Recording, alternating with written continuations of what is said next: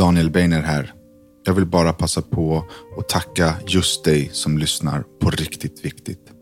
Jag är så glad och tacksam över att just du lyssnar. Den här podden förändrar människor till det bättre. Den är så viktig. Och vill man så kan man stötta arbetet med Riktigt Viktigt genom att bli medlem på Patreon www.patreon.com riktigt viktigt. Som medlem på Patreon så får man tillgång till allt material långt innan det släpps i de vanliga apparna. Tusen, tusen tack för din tid.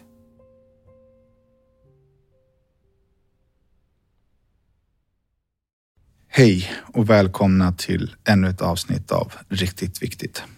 Idag sitter jag här med en tjej som heter Julia Frey som jag har känt länge men också haft i periferin i många, många år. Och eh, en grej som jag, jag vet inte om man kan säga så här, det är ingen förolämpning, men, men, men, men en grej som jag alltid har känt är att det finns ett otroligt mörker i dig. Och det, det kan vara fel, men det är anledningen till att jag bad dig komma hit och, och göra den här podden med mig och det ska bli väldigt spännande att se om jag hade rätt i det. Eh, du hade din första sorg när du var 12 och din senaste för två år sedan. Välkommen Julia.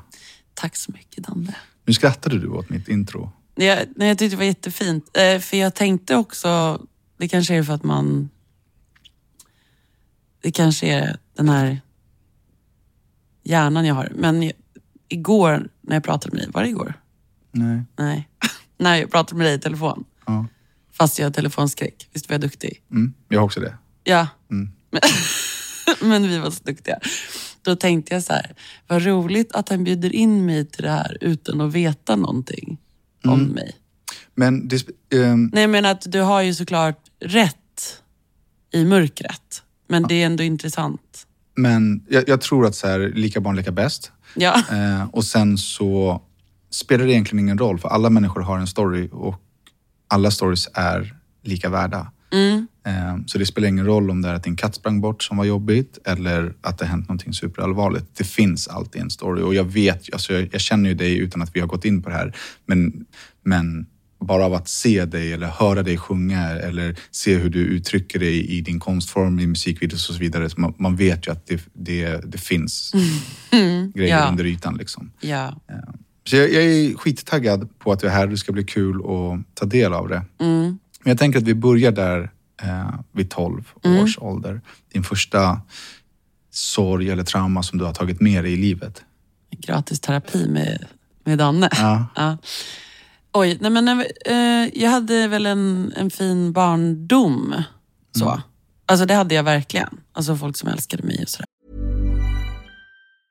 When you're ready to pop the question, the last thing you want to do is second guess the ring. At Bluenile.com, you can design a one of a kind ring with the ease and convenience of shopping online. Choose your diamond and setting. When you find the one, you'll get it delivered right to your door. Go to Bluenile.com and use promo code LISTEN to get $50 off your purchase of $500 or more. That's code LISTEN at Bluenile.com for $50 off your purchase. Bluenile.com code LISTEN. Eh, rutiner, typ. Mina föräldrar jobbade väldigt mycket men de var ändå närvarande, tycker jag. Ehm, men sen så skilde de sig när jag var 12.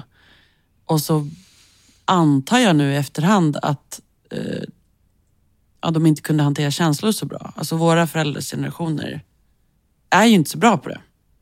Att, Nej. alltså prata om känslor, för, me- alltså prata med barn om känslor eller förstå sina egna känslor framför allt. Så oftast blir det ju ganska fel. Och deras skilsmässa blev ganska fel för att den, den blev en sån stor kontrast till mitt eh, liv innan skilsmässan. Dels hade de aldrig bråkat så vi hade ingen aning om att det var dåligt. Så det kom från, som en blixt från klar himmel. Tror du att de hade bråkat utan att visa det för er? Jag tror bara att det, det kanske blev som ett så här företag och sen så hände väl någonting mellan dem som gjorde att de beslutade att så här, det här är inget bra förhållande längre. Förmodligen att någon träffade någon annan eller så. Men det som sades till mig och mina syskon var ju bara, nu ska vi skiljas, nu ska vi flytta. Eh, Så bara så här, vi samlas för middagen, nu är det det här som gäller. Ja, precis. Och då minns jag att jag hade min, min första lite så här, det var att det var en chock.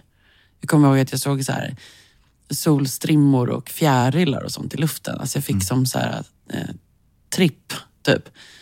Uh, och i, ja, och någonstans där, jag liksom blamear inte dem för det, men de försvann då. Alltså resten av mitt liv kan man säga. Så att det blev en så här stor kontrast till att alltid eh, ha någon slags trygghet och sen försvann den bara. Och från att jag var 12 så började jag festa mycket. Eh, och det var ingen som hade koll på mig helt enkelt. Så jag kunde festa och skolka hur mycket jag ville från att jag var 12. Vilket jag tänker är en stor anledning till resten av mitt liv. alltså att det där att i tonåren så behövs det ju verkligen att någon håller koll på en. Försvann de eller var det din upplevelse?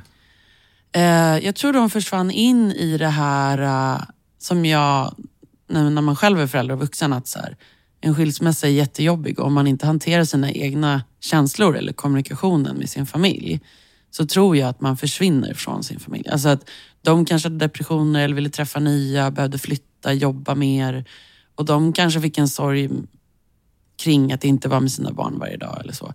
Men då var det i alla fall, det som hände var att jag inte ville bo hos min pappa av anledningar som jag inte vill säga här. Eh, utan jag ville bo hos min mamma, men hon ville inte det. Så då fanns det också en så här att jag inte var välkommen hem, upplevde jag. Alltså, var du välkommen hos pappa då?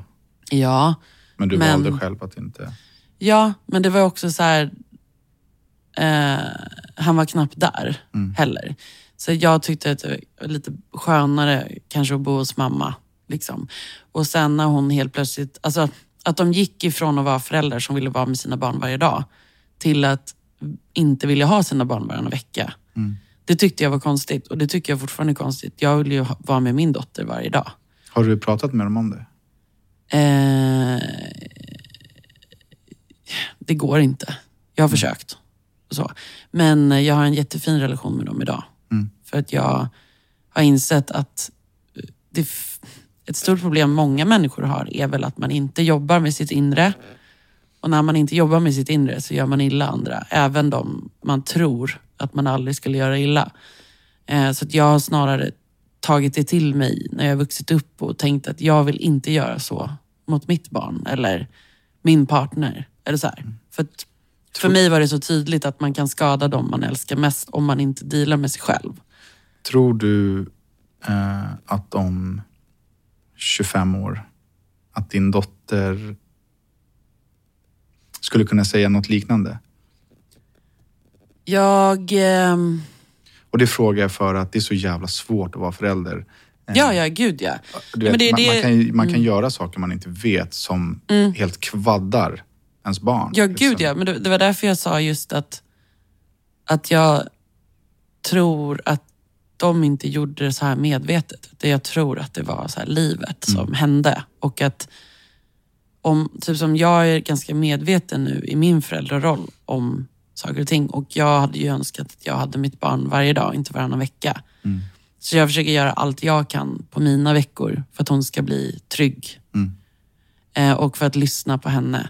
Och min plan är ju att när hon väl kommer kanske uttrycka åsikter eller känslor, att man 100% lyssnar. Man lär sig ta kritik och att man kan förstå att det finns två sidor av ett mynt och att hennes sida av myntet, om den då kommer, är sann för henne. Och att man liksom möts i det och att man är vuxen och säger så här, okej bra, hur ska vi lösa det här? Ska vi gå på samtal på BUP? Ska jag gå en föräldrautbildning? Alltså det finns ju tusen saker man kan göra som förälder för att bli en bättre förälder om barnet tycker att man gör något fel. Och samma sak om hon skulle vara så här, mamma jag vill bo hos dig heltid. Oj, jävlar, förlåt. Mamma jag vill bo hos dig heltid. Då skulle jag ju göra allt jag kan för att hjälpa henne med det. Liksom. Så. Eh, och framförallt kommer jag alltid se till att hon bor hos mig. Alltså så här, livet ut. Om hon är så här, hej mamma, jag har ingenstans att bo. Eller, eller typ så här, jag, ja, men, tills, hon, alltså tills jag dör så är mitt hem hennes hem. Jag kommer aldrig vara så här, nu är du vuxen. Och, utan jag, kommer alltid vara hennes mamma. Liksom. Och har hon kritik mot mig så är hon välkommen att ha det. För att jag tycker att min roll som mamma är att hon äger mig och jag äger inte henne. Liksom. Alltså det är ju mitt fel att hon finns. Ja, ja men så är det Nej, ju. men så här, det är jag som har valt att behålla ett barn. Hon har ju eh, inte valt dig. hon har inte valt mig alls. Ehm, och det är mitt, mitt ansvar att eh, se till att hon har det bra. Så att skulle hon komma någon dag och vara så pass trygg, vilket är mitt mål någonstans, att hon kan säga till mig så här, det här gjorde mig ledsen, varför var det på det här sättet när jag var liten? Då kommer jag förklara det för henne, tills hon förstår. Det tror jag, det är ju alltså optimalt och ultimat. Att man har en sån relation. Jag försöker ha samma relation till min dotter.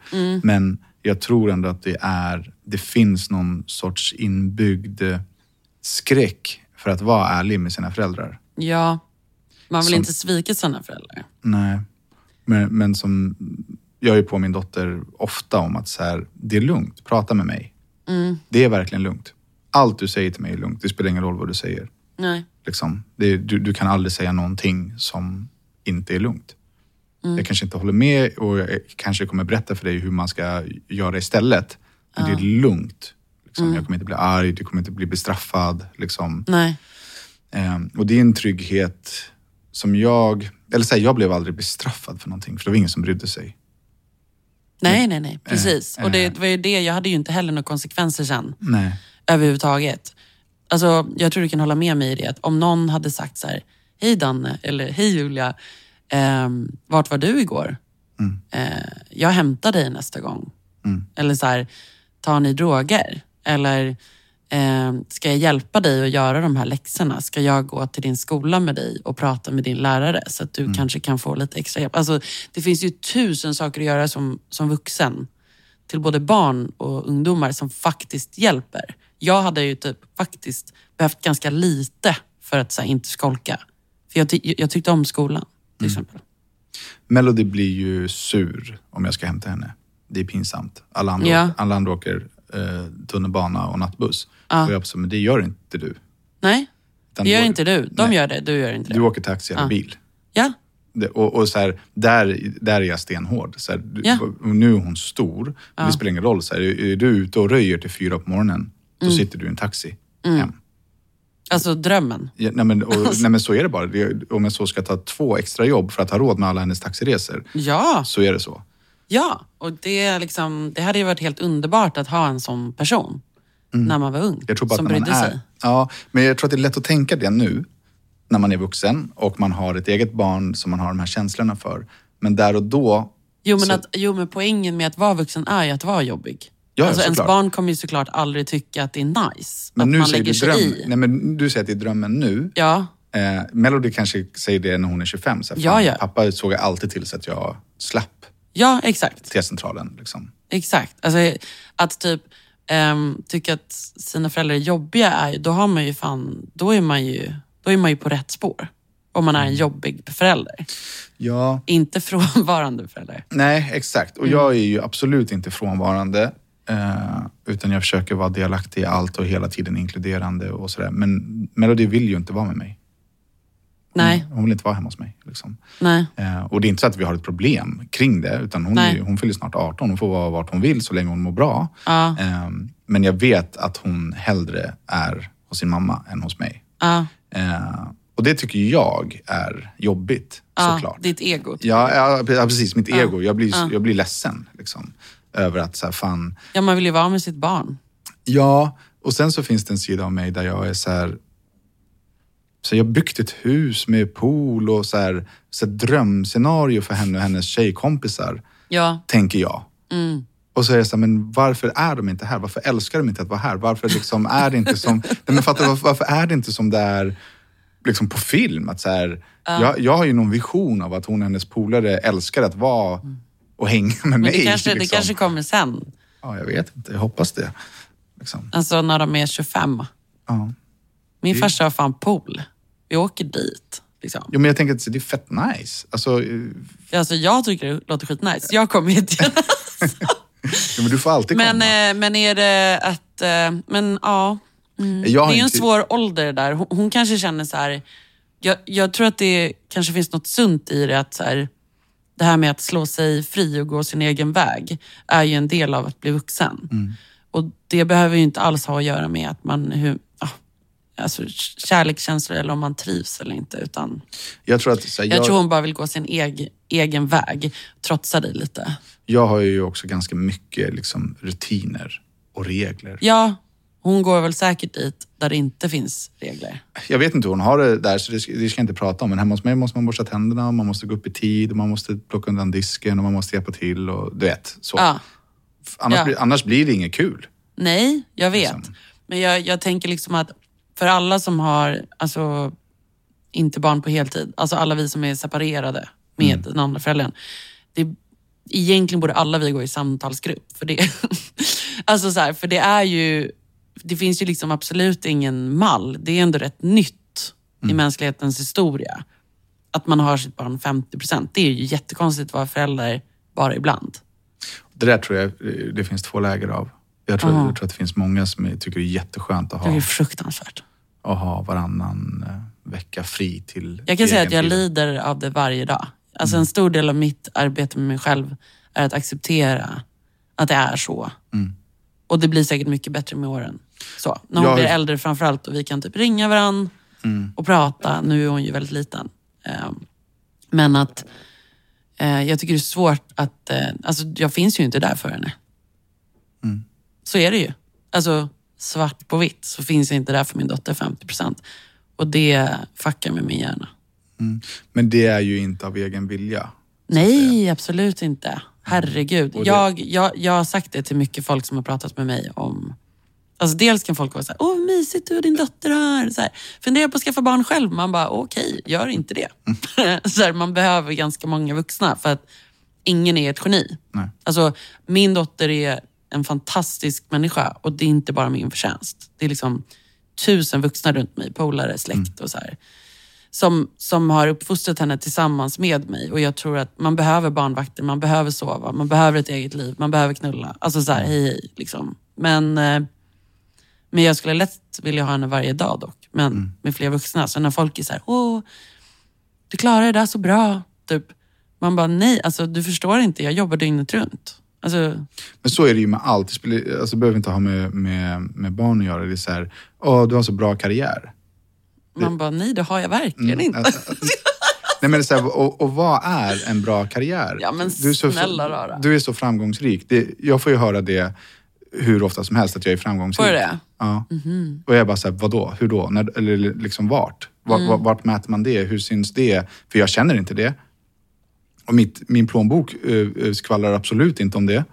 Nej, Liksom, nej. Eh, Utan det är ju folks bild av en. Ja. Ehm, och det är ju, det är ju härligt, men, men alltså en, allas liv kommer ju med ett bagage. Sen, det spelar ingen roll om du är VD för Atlas Copco eller om du är, är rockstjärna som du är. Eller om, som jag, är någon sorts, liksom, vad är, jag vet inte ens vad jag är längre. Nej men på riktigt, så, vad gör jag? Jag var liksom, Jagar. Jo, det gör jag ju. Du har tagit körkort. För mig är det en stor bedrift. Ja, nej men, det, nej men det är så här, jag, jag, jag var liksom eh, väldigt förknippad med Salong Betong-Danne under många år. Inte så konstigt dock. Inte så konstigt, men jag är inte Salong Betong-Danne idag. Vem är det? Alltså Salong Betong-Danne var någon... Någon annan. Någon, någon så här, eh, kille med, med bekräftelsebehov som liksom gärna eh, hängde runt kriminella och så här, Mm. ville vara, inte fan vet jag, cool. Fast- liksom. Ja, fast alltså, du hamnar ju också där på grund av din bakgrund. Alltså, man, Absolut. man är ju trygg i det otrygga. Absolut. Du och jag har ju varit i väldigt, alltså levt farliga liv. Men det är ju inte för att vi bara, åh, vaknade en morgon och bara, jag tror, jag tror jag ska försöka ta livet av mig långsamt. Nej, verkligen inte. Det Utan Salon. Betong var ju ditt första steg mot den du är nu. Det är Men- klart att det var lite kriminellt fortfarande. Såklart, men min ambition där Mm. var ju så här, ja, det här vill jag. Mm. Salong Betong-Danne ville ju något annat än vad jag vill idag. Ja, ja, ja Liksom. absolut. Eh, Så idag är jag så här, jag är inte ens Danne, jag är Daniel. Ja. Liksom. Och vem är Daniel? Så oh, jag intervjuar lite folk, jag har lite poddar och så här, försöker hålla mig flytande. Men jag har inget direkt mål. Jag, alltså jag vet, alltså, jag vet så här, jag, jakten, det, det är mitt liksom, absolut bästa i livet. Det Mm. det, Ja, men det har fått dig att så här, jag, jag känner mig hel. bli lugn och ja, bli hel. hel. Ja, men det är otroligt. Jag känner mig hel i skogen och Mm. nu är jaktsäsongen slut här om några dagar och jag är så här, hur ska jag klara mig? Vad heter det? Det, det finns en fin övergång här. Mm. Ska jag ta den?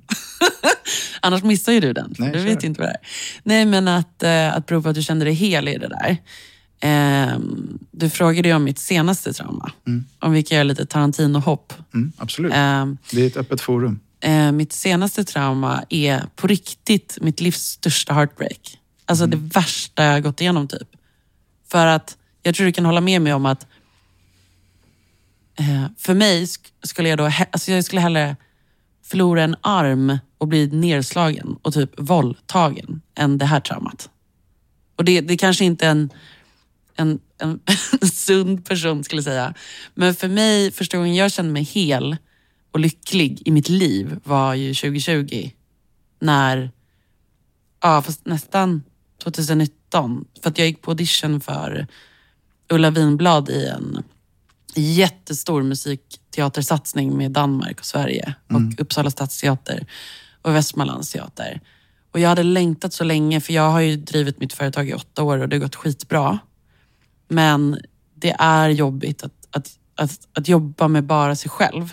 Alltså, jag gillar ju, det är därför jag ofta har band och sånt, vilket innebär mindre pengar för mig, för du måste dela upp Jag vill ganska bara flika in Ja. att, att Julia är en, en, en fantastisk eh, musikartist. Ja, precis. Så att Ja, man tack. får, får lite perspektiv på vad vi pratar om nu. Ja, jag skriver musik och eh, sjunger och är artist och så. Eh, så då fick jag, jag har alltid drömt om teater men Mm. av någon anledning så har jag inte liksom orkat så här, gå på auditions. Jag har tänkt att jag är för tatuerad. Och du vet, alltså du vet Mm. hur man är. Och så har det gått... Alltså jag, musiken är ju ändå mitt eh, första och främsta mål. Att jag vill få ut mina skivor trots Mm. ADHD och diagnoser och hit och dit. Liksom. Men då... Eh, jag har alltid varit Bellman-nörd. Carl Michael Bellman, för er som... Ja, ni kan... jag, det, ja, jag vet inte vem det är. Det, va? Vet, du inte? Är inte det en, så här, en karaktär i en så rolig historia? Bellman Karlsson och... Carl Michael Bellman levde på 1700-talet Mm. i Stockholm eh, och är Sveriges största låtskrivare genom tiderna. Han har skrivit Jag må han leva till exempel. Gubben Noak. Merkur och vår skugga. Okej. Mm. Och han ehm, eh, alltså var en Förlåt, hel... men alltså jag får mental breakdown nu. Aha. Alltså, det är klart att någon har skrivit Jag må leva. Mm. Det, det är för mig nu, det är Matrix. Och vet att det, är någon som har, det, det är någon som har skrivit Jag må leva. Ja. Det är såklart att det är det. Alltså, Ja, det är klart men- att det är en, Men en, ingen vet typ att det är Bellman som har gjort det för han har en typ... upphovsman som har gjort det. Liksom. Men kan du... Har du hört talas om Fjäril Vingad syns på hage? Nej. Alltså you're in for a treat ändå. Jag, tror, jag, jag är beredd. Thåström gjorde en cover på och skugga på Mm. kanske 90-talet. 80. Okej. Men du har i alla fall hört Carl Michael Bellman, fast jag har vet hört inte Jag om det. leva en gång per Ja. år. Gubben 40 år. Noak. Ja. Den, den, den. Ja. Ja. Men han var i alla fall så här, alla söp ju såklart på 1700-talet, men han, han var, hade ett okej, liksom en okej uppväxt, men sen så blev han som alla andra, du vet, så här, alkis, som man var tvungen att supa. Det fanns ju inte Ipren. Liksom. Så. Eh, och han skrev om liksom, Stockholm, 1700-talet, hela sitt liv. Alltså, Om allt. Alltså förlossningar, våldtäkter, hur alla söp ihjäl sig, eh, begravningar, platser, typ en krog i Tanto där hans tjejkompis jobbade och söp ihjäl sig. Alltså, så här. Och sen har han skrivit liksom, jättevackra, stora naturlyriska verk om alltså, naturen och vackra saker. Så han, han skrev liksom smutsig poesi, kan man säga. Och även liksom sådana stora svulstiga liksom, konsertmusik. Så. Eh, och jag har alltid avgudat Bellman och jag har lärt mig väldigt mycket så här gammelsvenska genom hans texter. Och jag tycker det är coolt för det är ju en sann, ett sant vittnesmål från en tid där vi egentligen bara har historia som är skriven av präster och adel och kungen. Alltså det är inte så superneutral fakta. Så. Men eh, då skulle de i alla fall, danskarna avgudar ju Bellman. Alltså, och i Sverige är vi ju rätt dåliga på att, alltså, jag vet inte, vara stolta kanske eller någonting. Så då var det ett samarbete där de skulle göra en pjäs, en stor pjäs med musiker och skådespelare. Där man liksom utgår ifrån alla hans, eller inte alla för det finns för många, men väldigt många av hans låtar. Ehm, och då fick jag spela Ulla Vinblad som var typ, alltså det är en karaktär i hans låtar som hette något annat i verkligheten. Som är som när Cornelis Vreeswijk var ju jätteintresserad av Bellman så han hittade ju på Ann-Katarina Rosenblad i sina låtar och det är typ Ulla Vinblad. Alltså Men Ulla Vinblad måste ju vara en, en, hårda slut, om du förstår vad jag menar. Det måste ju vara en, en fysisk person. Det finns en restaurang på Djurgården som heter Ulla Vinblad. Ja, men det, det, det är efter hans Okej. musik. Okej. Mm. Så han hittade på egna namn till karaktärer som är inspirerade av folk i hans verklighet. Och då fick jag rollen i alla fall som Ulla Vinblad. Som är en, Ja, men så här, en slampa med skinn på näsan eller? Ja, Ja. exakt. Ja, det, var Nej, som, här- det var du som sa det. Det var jag som sa det. Eh, och ehm, ja, och fick jobb, alltså fick ett sammanhang, fick rutiner inom något konstnärligt. Och eh, det här kunde ju då komma ut på turné eller säljas vidare. Eller du vet, filmas. Alltså, det kunde ju bli hur stort som helst och jag kan, kunde få visa mer något annat som jag kan. Kanske få drömjobb. För det här var ju mitt livs drömjobb. Och att jag också gick på audition och fick Men du det. fick det? Ja. Ja. Det är helt magiskt. Ja, och sen repade vi typ varje dag ett halvår i Västerås, 8 till 5. liksom. Eh, för att, ja, och det kostar väl hur många miljoner som helst att sätta upp sånt där. För det är ju 30 pers bakom och under scen. Ja. Du vet, hej och hå. Eh, och den blev så jävla bra. Du vet så, här, så att man bara, men det här skulle jag själv se på teater. Fast inte, man är så aspepp på teater liksom. Och skitgrymma musiker som har kostym och som är med i, det är liksom livemusik fast teater. Alltså, musikal? Eller Nej. Vad? Nej. Ehm, nej, verkligen inte musikal. Utan mer som att vi, spel, vi börjar bara spela låtarna på scen och sen så... Det är inte jättemycket dialog, det är lite dialog. Liksom. Men den var skitsmart och liksom ut, börjar med eh, Svenska Akademin fast på 1700-talet. Liksom. Alltså, ja, men den var i alla fall helt otrolig. Alltså en helt otrolig pjäs. Det var liksom, jag har aldrig varit så lycklig i hela mitt liv. Och sen hade vi en succépremiär och så spelade vi sex gånger och sen blev det pandemi. Och, och det var en sån chock. Och sen så repade vi upp det igen på sommaren. Du vet, alla var, ju- krogarna var fulla, alla fick jobba förutom vi. Och eh, musiker och jag förlorade typ 300 000. Jag har aldrig stått utan jobb i hela mitt liv. Jag har jobbat sedan jag var 14 år. Liksom. Eh, Jag har aldrig behövt så här, ett bidrag. Och även om jag behövt det så har jag liksom för mycket ADHD för att fylla i papper och få det. Alltså så. Ehm, men det var i alla fall helt sjukt för då hade vi jobbat med det där liksom hur länge som helst. Och teatrarna också ju. De har ju jobbat längre än mig. Alltså bara att få ihop pengarna till någonting och så. Men vad hände med dig? Ja, men det blev ett trauma. Det blev liksom som att jag fick någonting som jag alltid drömt om och som jag kämpat för. För jag har ändå jobbat så här 15 år innan det för att bli musiker och det är liksom det konstigaste jobbet man kan ha i Sverige. För att allt utgår från Stockholm och det, det finns väldigt lite rampljus att stå i. Alltså, Det finns inga direkt pengar. Typ, åker du till USA eller Tyskland eller England så är ju varje genre har ju en musikindustri som är större än Sverige. Alltså, så att hålla på med liksom musik mm, och leva på det som jag har gjort. Jag har levt på musik i åtta år. Det kräver ju att man alltid jobbar. Liksom. Eh, och det kräver att det är stora förluster. Men här, här vann jag ju någonting och tog mig igenom alla utmaningar. Eh, vilket också kan vara att man så här, ja men då le, lever man ju för teatern. Om man, speciellt om man har barn eller eget företag. Så där. Men sen, det var ju så himla sjuk grej. Bara, nej men nu är det pandemi så ni får inte göra den här pjäsen och den kommer aldrig tas upp igen för att det är för dyrt. Mm. Men tog du det personligt? Eh, nej, Blev men jag blev liksom? jättedeprimerad. Alltså jag, blev, jag hamnade i en sån sinnessjuk depression att jag inte ens förstod det själv. För att jag var så lycklig. Och det var första gången i mitt liv som jag kände att, alltså lycka. Liksom. Ehm, och att det här också kunde innebära saker för mig som man kämpat för så jävla länge. Alltså i branschen. För att du har ju inte så här jättemånga sådana chanser. Där man får liksom fronta något eller vara med i ett stort sammanhang. Och jag mådde också väldigt bra i det. Eh, för att jag har arbetskollegor, allt hänger inte på mig. Det är inte bara jag som står i centrum utan det är liksom ett maskineri, vilket jag tror alla människor mår väldigt bra av. Så här. Och sen innebar ju det här teaterjobbet att jag för första gången i mitt liv skulle kunna gå in i studion i ett halvår och göra klart eh, två plattor som har legat där sedan jag blev gravid typ och väntat. För det kostar pengar. Eh, så jag hade ju då pengar och tid. I, och så hade jag då, du vet ju hur det är, då hade jag en treårsplan för första gången i mitt liv. Så här, det här ska jag göra tre år framåt. Och som frilans, det finns ju nästan inte. Ja, det var en sån trygghet. Så att de tre åren och så mycket pengar som bara försvann och absolut inget löfte om Alltså absolut inga löften om någonting, varken stöd eller ska man stanna i den här branschen, ska man sadla om, ska man... Alltså, det, det är så många saker, det var inte bara pjäsen. Nej. Pjäsen var ju mitt livs heartbreak, men...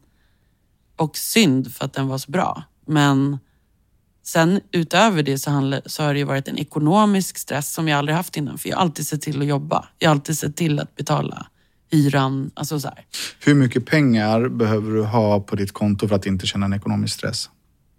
Eh, alltså du menar på mitt personkonto eller Ja. företagskonto? Nej, men alltså överhuvudtaget, hur mycket pengar behöver du? Men på företagskontot måste man ju ha för? typ, eh, på företagskontot måste man ju ha typ 100 000 som bara ligger, som bara går till skatt hela tiden ju. Mm. Ja. Och det har jag inte nu. Det har jag alltid haft typ 100 eller 200 000 på företagskontot. För att, också för att jag har typ så här dyskalkyli och inte Mm. är ekonomisk så har jag en revisorfirma. Så att så här, du vet, det är 20 000 där, 50 000 där, 20 000 där som ska till Skatteverket. Så att, då har jag alltid sett till att ha pengar till skatten på mitt företagskonto för att jag vet att jag... Ja, så. Så att jag... Men nu har det varit liksom... Nu handlar det ju om att... Men du har ändå upplevt att den ekonomiska stressen har släppt vid en viss siffra. Ja, jag har aldrig haft ekonomisk stress. För att jag har alltid fått jobb. Nu har jag inga jobb. Men och har det då visat sig så här, men jag har jobb den här månaden så det är lugnt. Ja, alltså att så länge pengar kommer in så har jag aldrig varit stressad över pengar. Jag har också, liksom, om jag har en fattig period, det är inte som att jag reser ofta. Alltså, då lagar jag typ så här linsoppa en månad om jag har dåligt med pengar. Men jag har aldrig haft så här dåligt med pengar. Alltså nu har det ju gått två år sedan pandemin startade och jag har inte fått jobba normalt. Nej. Alla sparpengar är slut. Ja, men och det, det, där är det nog många som är. eh, Mm. Speciellt som har, som har mindre bolag som är egna. Även jag. Mm. Alltså, Jag har inte tagit lön på två år. Liksom. Jag kan inte, kan inte ta ut pengar ur bolaget. Då tar de slut. Kommer inte in lika mycket igen. Liksom. Nej, men hur betalar du maträkningar?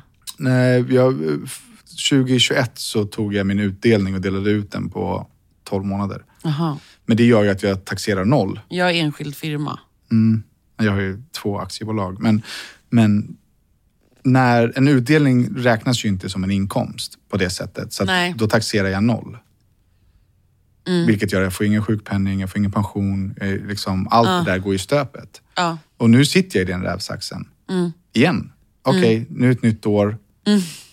Ska jag ta förra årets utdelning då? För den är ganska bra. För att jag inte har tagit lön.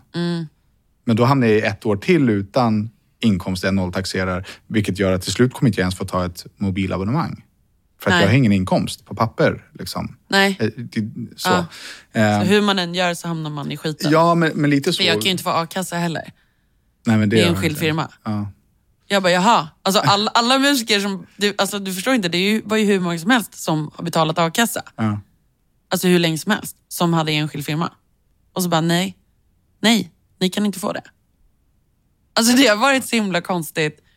och min är snubbe är ju krögare. Han öppnade ju krog och hotell när pandemin slog till också. Ja. Ja, men Så vi mår så- toppen. Ja, nej, men, nej, men så här, det, det är ju tuffa tider för många kring, Mm. kring pandemin och den verkar ju verkligen inte vilja ta slut. Det kommer den ju inte göra så länge liksom alla gränser är öppna och det finns två sängar på IVA till nio miljoner människor. Nu är det så här, nu ska ju alla bara, nej men nu får alla lägga ner vad de håller på med för nu är det vinterkräksjukan och nya covidet. Man bara, det kommer ju komma hundra covid till. Det måste ju finnas plats för folk som håller på att dö på sjukhusen. Vi betalar jättemycket skatt. Ja, så det känns som att de har haft två år på sig att lösa det nu. Men alltså, Jo, om, inte, för, Daniel, om, inte verkligen. 40, om- inte 40 år så känns det ju verkligen som att de har haft två år på sig nu att förbereda det här. nej men nu, nu är det faktiskt tramsigt.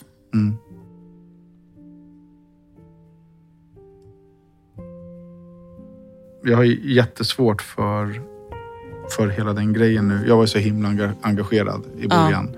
Eh, dels så lider jag av hälsoångest då, så att jag har ju varit ex- Ja. extremt rädd för sjukdomen. Och sen Är så, du, är du hypokondrisk? ja, Eller? precis. Ja, jag har Ja. komplex hälsoångest. Liksom, Okej, så. ja. Vad tror du den beror på? Eller har du tagit reda på det? Jag kan inte jättemycket om just det, men jag, vet, jag känner ändå ett, ett gäng som lider av det. Jag vet inte vad det beror på, men jag är ju väldigt rädd för liksom, att hamna på sjukhus. Jag är väldigt rädd för att liksom, dö i någon så här, utdragen grej. Okej, men v- vad, alltså, vad, var du missbrukare som ung? Nej. Jag, Inte? Jag har aldrig tagit droger. Har du inte? Nej. Det är ingen som tror mig, men det är sant. Aha. Eh, Jag bestämde mig när jag var 14 för att eh, aldrig prova droger just för att jag hade det så brett i Ah. min uppväxt i mitt hem. Liksom. Ah. Eh, Och jag såg konsekvenserna. Liksom. Ah. Och då var jag så här, det De där. här bilderna på dig när du är så här smal och fått barn. Mm. Varför såg du ut så? Nej, men för att jag var... Åt he- nudlar? Nej, men för att jag var helt liksom, framtidslös. Ja, jag fattar. Ingen, jag brydde mig inte Ja. liksom, om något. Mm. Nej, Nej, alltså jag frågar för jag tänkte om det hade något med liksom det att göra, men då har ju du varit så försiktig från början ändå. Som väldigt många inte är. Alltså att du såg ditt hem och bara, det här vill inte jag Alltså göra. jag, förstod, jag, jag, förstod att, jag förstod att det finns någonting väldigt härligt med droger. Mm. Eh, och jag kommer från ett miss, missbrukarfamilj. Jag, har jätte, alltså jag är ju som missbrukare i mig själv. Ja. Liksom. Eh, så jag eh, eh, tog beslutet då, eh, dels att inte slå... Eh, det, det här låter lite dumt Mm. för att det blir begränsat. Men så jag tog beslutet att aldrig slå en kvinna som jag älskar. Eh, Det har ju såklart breddat ut sig till att aldrig slå en kvinna överhuvudtaget. Men, men det, det, det, där och då var beslutet att jag kommer aldrig skada en Men, kvinna och det var älskar. också för att du hade sett det som barn eller? Ja, hela tiden. Ja. Alltså, det var ju det som Men var... då är det ju inte, ett, det är ett konstigt löfte taget ur luften. Men det är inte konstigt utifrån att så här, ha sett det och bara okej, Nej, jag, jag, ska inte ta droger, jag ska inte slå kvinnor. Ja. Alltså, det var det du såg. Ja, men exakt. Och, och det var så här, det, det, jag kommer inte göra det. Nej. Eh, dels så fattar jag att jag kommer fastna för drogerna och dels så... ehm, eh, Det var ju väldigt av, smart. Avtändningarna var ju de Ja. hemska i min uppväxt. Det, Precis. det var då allt våld kom fram. Ja. När drogerna inte fanns. Ja. Liksom. Men då är det väl eh, liksom hela ditt barndomstrauma att du upplevt liksom våld och frånvaro som barn som gör att du har dödsångest? Ja, kanske. Men alltså, hela din barndom är ju jag, är här, jag är rädd för att bli sjuk. Om du skulle vara så här, men jag var kräksjuk förra veckan. Då, då kommer jag ju gå hem och må illa hela kvällen. Ja, jag fattar. Och typ så här, imorgon när jag vaknar kommer jag säga yes, jag blev inte sjuk. Ja. Men kan inte det vara att, alltså, för du var ju tvungen att skydda dig själv från våld och missbruk och välja själv. Att du inte skulle, någonstans är det ganska smart att förstå att så här, det här har jag växt upp med. Så det här måste jag se upp jag med. älskade ju våld. Mm. Verkligen. Jag ville ju hamna i våldsamma situationer Ja. under många, många, många år. Liksom. Ja. Jag var alltid först ut, stod alltid längst fram, var alltid kaxigast. Liksom. Mm. Eh, eh, och det vet jag inte om det var någon, någon Men, sorts... det var ju norm för dig med våld. Det var ju något som fanns i ditt hem. Ja, men sen ville jag också, jag ville ju vara respekterad och tuff. Liksom. Ja, ja, ja, absolut. Men det är också någonting som inte var jättekonstigt för dig. Alltså om man Nej, växer upp inte. och ser våld så är det lite svårt att avstå våld. Verkligen. Eh, och idag är jag ju... Idag skjuter jag djur. Jag skojar. Mm, det, det gör jag. Ehm, Och eh, jag bemötte en sån fråga idag då en, eh, någon skrev till mig så här att eh, jag förstår inte hur, liksom, hur du kan stå för att du njuter av att döda djur. Mm. Det är inte det jag gör. Nej. Det är, det är så långt. Jag, jag vet att det ingår Mm. i det som jag behöver för att vara hel. Men det är, den, det är den värsta sekunden Mm. i mitt liv egentligen varje gång. Det är så mycket vemod i, i sekunderna innan. Ehm, om jag ska försöka förklara det här liksom i, i korta drag. Eh, så under en jaktdag så upplever du alla känslor du har. Alla känslor som du, eller jag, ska, jag ska utgå från mig själv. Alla känslor som jag besitter. Allt från nervositet till lycka, till glädje, till upphetsning, till, till adrenalin, till vemod, till sorg, till ångest, till stolthet. Allt det får jag uppleva under den här dagen.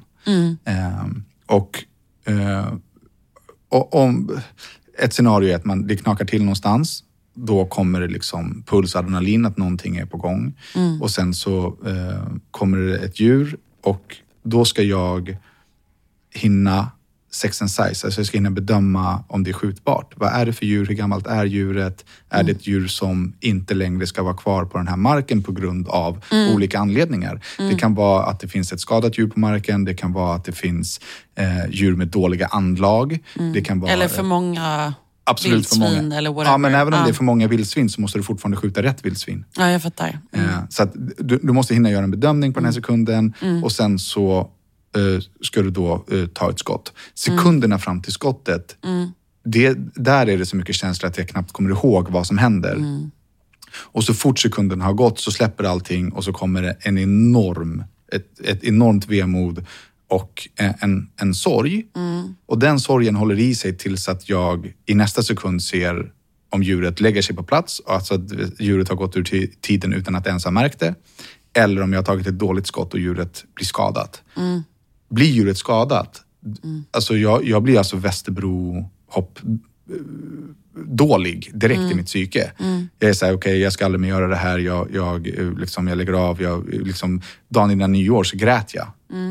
Jag träffade inte djuret. Men det, vi- om man tar ett dåligt skott så kommer dit hund, eh, ett, ett, en eftersökspatrull med hundar och gör en ordentlig liksom, skottsplatsundersökning för att säkerställa då, har man missat eller om djuret är skadat. Är djuret skadat, då, då spårar man djuret tills att det är färdigt. Liksom. Jag vet att Erik Haag brukar göra det. Ja. Vi är polare. Ja, han, Och han jag, och Lotta. jag jagade med han i förrgår. Nor och Henrik. Alltså jag, jag har ju pratat, alltså jag känner ju många som, som jagar. Erik Haag är han med den här uh, Mm. pulsångskägget. Erik Haag är livets bästa person. Ja, men jag jagade med Jag han i älskar honom. Ja, han bor väl ute där. Eh, Ja. Ska inte säga vart han bor. Men Nej. Men så jag träffade han i förrgår. han har ju är, 500 typ. han är en grym. Han, är- han är Ja, grym. ja, han lever ju ute i naturen. Det är liksom hans liv. Han har ju så här höns och alltså lever Ja. ett väldigt ekologiskt bondeliv. Ja, Eh, och, och det är det Så efter- för honom är det jävligt naturligt att liksom kunna ha...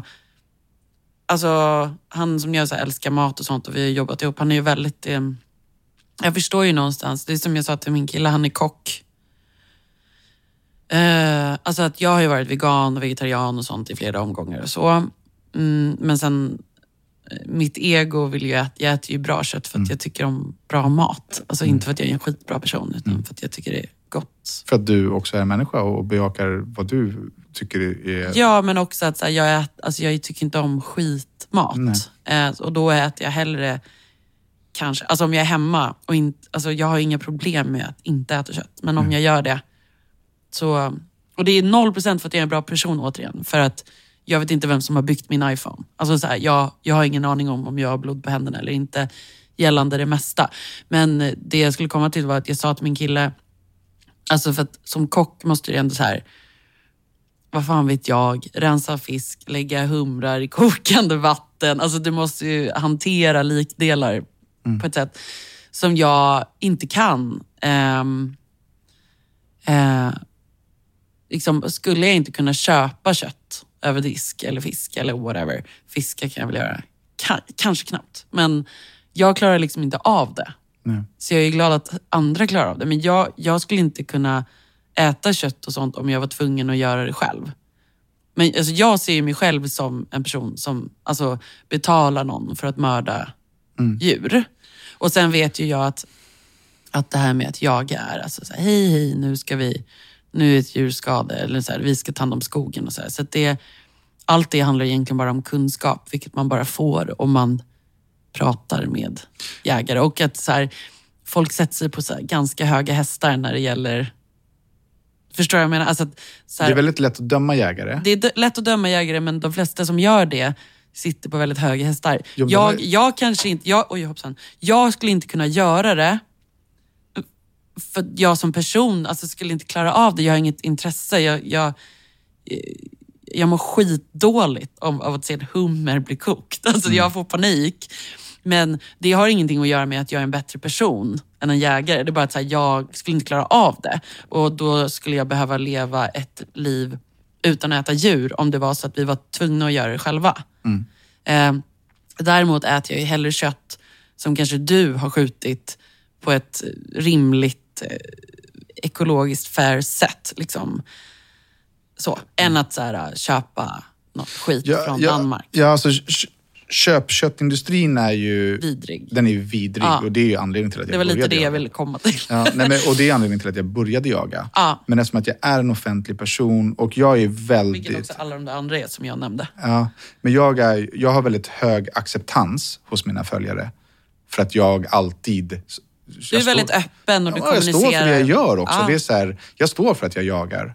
Och när någon då eh, vill projicera på mig att jag, att jag njuter av att... Men du gör ju det. Jag njuter av jakten, men jag ju- njuter inte av att döda djuret. Nej, nej, nej. nej, nej, nej. Men det är, det är också så himla lätt att sitta och så här pissa på någon annan. Det är det enda folk gör hela dagarna Mm. via sina telefoner. Jag gjorde ju en insamling här till, Ja, jag såg det. eh, till några kvinnor som blivit utsatta för Ja. eh, grova våldtäkter. Mm. Eh, och då var det någon som skrev till mig så här, jag kommer inte vara med på din, and- jag kommer inte vara med på din insamling för att du är en eh, djurseriemördare. Ja, okej, ja. ja, men, och då blev jag så här, men Och det kanske var en vegan då. Jo, men då är du jag. ju extremt begränsad. Det var en kvinna som skrev och det jag gör nu är att stå upp för kvinnor och hjälpa dem i sina trauman Mm. och kanske få någon form av plåster på såren.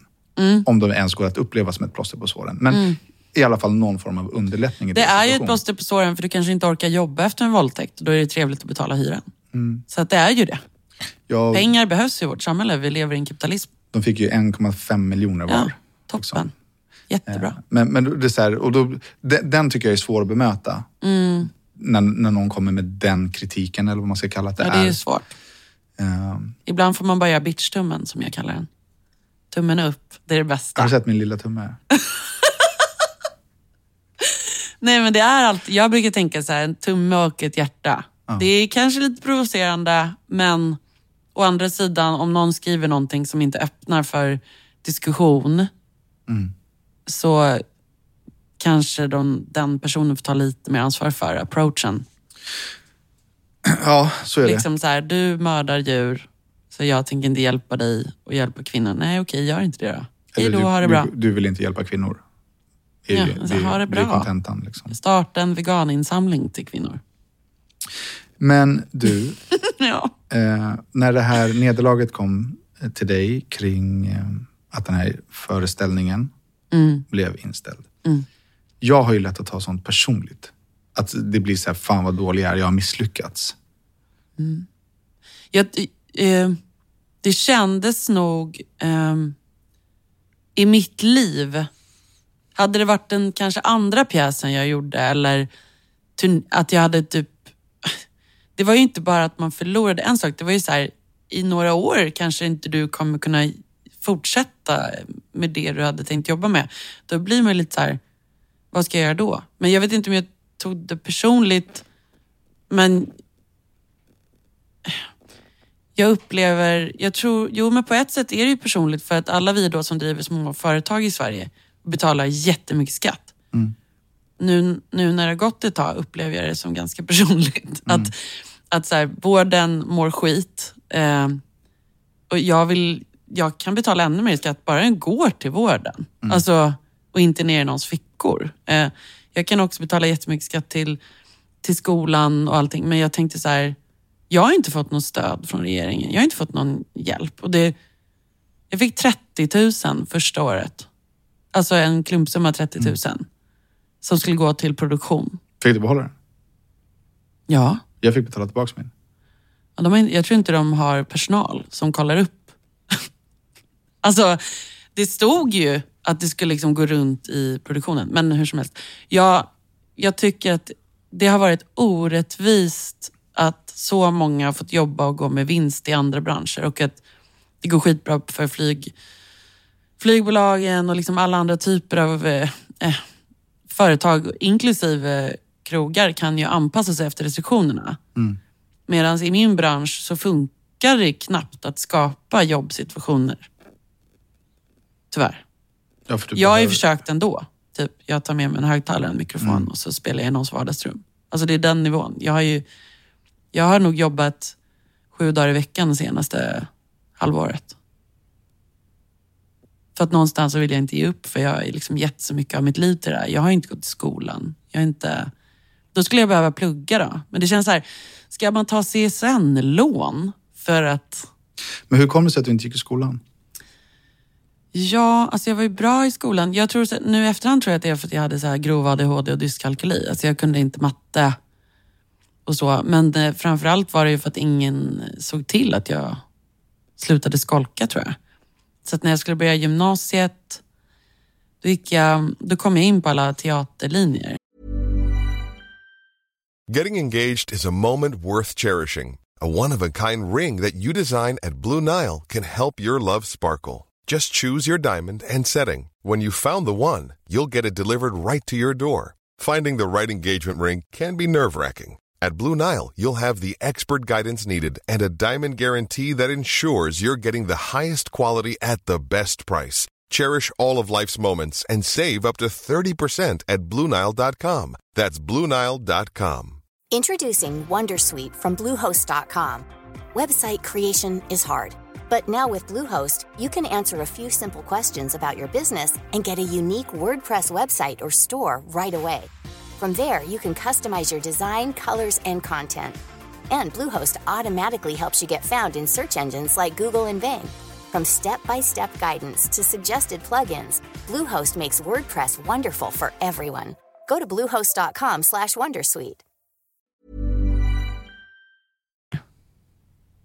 Man gick ju auditions då till teaterlinjen. Eh, jag gick Sankt Eriks här, där vi är nu. Sankt Eriks gymnasium, typ ett år. Men jag mådde jättedåligt. Alltså jag hade ju depressioner från att jag var 12. Liksom. Som Fast jag förstod ju inte att jag hade det, för jag var ju 12, eller 13 eller 14 eller vad man är, när man börjar ettan. Alltså det, det var ju inte... Man är väl 16 när man börjar ettan. Ja, det är man säkert. Eh,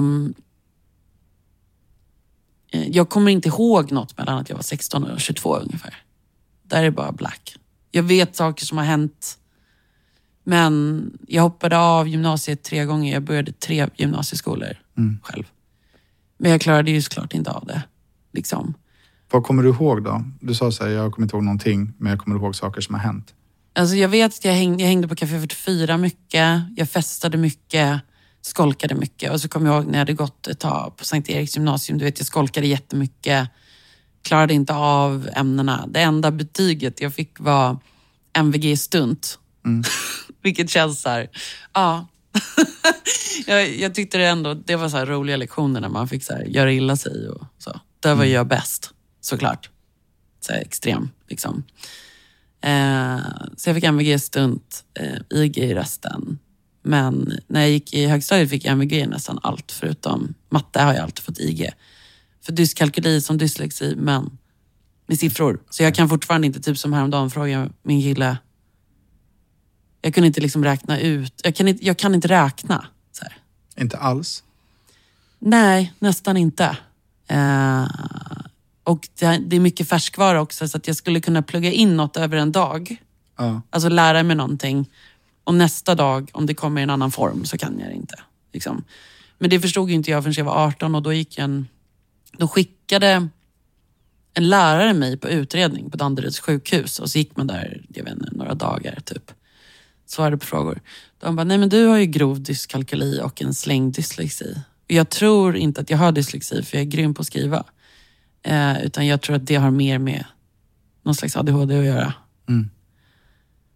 Eh, och har man ADHD då är det också svårt att göra hela utredningen. Så jag har aldrig gjort hela utredningen, så jag har ingen medicin. Men tror du att du skulle vilja ha medicin? Eh, ja, jag tror att jag har självmedicinerat hela mitt liv. Så att när jag började, jag fick Cetralin när jag var gravid med min dotter. Det var första gången i livet som jag fick antidepressiva. Mådde pissbra direkt. så Mm, Shit, förmodligen så har jag... in- Inte för mig. Nej, alltså det finns ju vissa biverkningar, typ huvudvärk, att du inte kan få orgasm på tre månader. Sen går det över. Det är inte sant. För mig gick det över. Jag, jag kunde inte få orgasm överhuvudtaget. Okej. För mig funkade det med sertralin. Så det är väl bara en lucky me. Jag, jag fick ju sertralin eh, början på 2020. Mm. Tror jag. Mhm. Ja, jag kommer inte ihåg exakt när det var. Mådde ju sinnessjukt dåligt under insättningen. Sertralin funkar inte bra på killar. Alltså jag mådde så dåligt under insättningen. Tre Ja. månader. Sen var det så här helt okej. liksom, Efter de tre månaderna. Mm. Eh, men kunde inte ha sex och så här, sex är en väldigt viktig del av mitt liv. Mm. Eh, och då var jag så här, men det, då skiter jag i det. Ja, Och så slutade jag tvärt. varför Va- gjorde du det? Men jag har varit så i mitt liv. Alltså jag har haft massa beroenden och så kom jag till en punkt och bara så här, aldrig mer. Okej, men du visste om att man inte får sluta tvärt, eller? Ja, det visste jag. Så jag ringde till min läkare och var så här, tja, eh, jag slängde alla tabletter idag så nu har jag slutat. Och hon var så här, okej men då behöver du lägga in dig någonstans för att du, du kommer bli sjuk nu, liksom, på riktigt. Så jag bara, nej men det är lugnt, jag har koll på, jag har koll på det. Jo, tjena. Eh, Jag blir lite nervös. Men, men alltså, utsättningen ska ju helst vara 18 månader. Att du ska liksom trappa ner liksom, procentuellt hela tiden. Ta bort 10 procent, ta bort 10 procent här, efter två, tre månader hela tiden. Eh, Men jag, jag slutade tvärt och det, det, det satte ju igång hela mitt uppvaknande egentligen. I- Alltså jag gick ju så djupt. Så det liksom. var bra då? I efterhand var det bra, Ja. men det, det är nog inte många som, som står emot det som händer. För att Nej, liksom- nej, nej, nej, nej. Men jag tänker, i ditt fall, ibland kan det ju vara så här, dåliga saker i livet blir något bra. Ja, men det, det, det om, blev om bra. man tar det på rätt sätt. Och, och det, framförallt det som var bra var ju att jag efter det insåg att så här, aha, shit, du har trott att du har mått dåligt Mhm. i ditt liv. Men, Nu vet du hur det är att må dåligt. ja, ja, ja, ja jag fattar. För Mm. så som jag mådde i fem månader eller vad det var, så, det var helt sjukt. Blev du suicidal? Absolut. Mm. absolut. Jag hade ju, men jag hade en dialog med, eh, med min läkare. Och så här, hon var så här, det kommer komma i fönster. Ett fönster är att du liksom tänker tanken. Något annat fönster är kanske att du visualiserar. Nästa steg kanske att du planerar. Du Vet, och när, när det hände så var jag medveten. Så okej, nu är vi här. Nu är jag i det stadiet där jag liksom önskar livet ur mig själv. Eh, men eftersom att jag vet om att det kommer hända så var jag så här, men det går över. Och så sket jag i det bara. Liksom. Men, men jag grät ju, alltså jag grät ja, fem månader i sträck varje dag. Jag tänker att du hade den samtalskontakten. Jag har ju aldrig fått hjälp av vården. För den är ju kaos. Och där tänker jag att vissa har lite tur och är drivna som du är. Du har ett driv som inte jag har tror jag. Som är liksom, nu ska jag göra det här och så gör du det. Eh, jag har inte riktigt det. Eh, och, eh, men jag har ju haft två bästa vänner som är så här maskrosbarn fighters. Alltså som är så här, har haft sam, liknande liv som jag på något sätt. Som jag kunde prata med också för att jag, jag trappade ner på sertralin eh, i somras tror jag det var. Alltså under kanske tre, fyra månader. Så trappade jag ner. Och nu är du fri. Oj, nej. Nej. För att eh, jag blev jättesuicidal. Mm. Och det gick så långt så att eh, jag kände det här kommer jag aldrig klara av. Med litet barn och allting. Alltså jag fick drömauditions och sånt. Så fick jag panikångestattacker på auditions. Och så här svimmade och sånt. Så att jag, jag tror att eh, jag är inte tillräckligt klar med mig själv. Och jag har ett litet barn och det är en pandemi. Och jag har ekonomisk stress. Jag, ja, och sen så tror jag också att jag har levt så jävla knasigt hela mitt liv. Så jag behöver typ kemikalier för att hålla, hållas balanserad. Och Men- då har jag testat kost och träning och allting. Jag sover bra. Ehm, jag äter bra. Alltså så här. Jag festar inte. Så jag har testat liksom alla sätt. Jag har ju också skitsvår PMS. Eh, så att jag äter också antidepressiva för den. För jag har PMDS två veckor i månaden.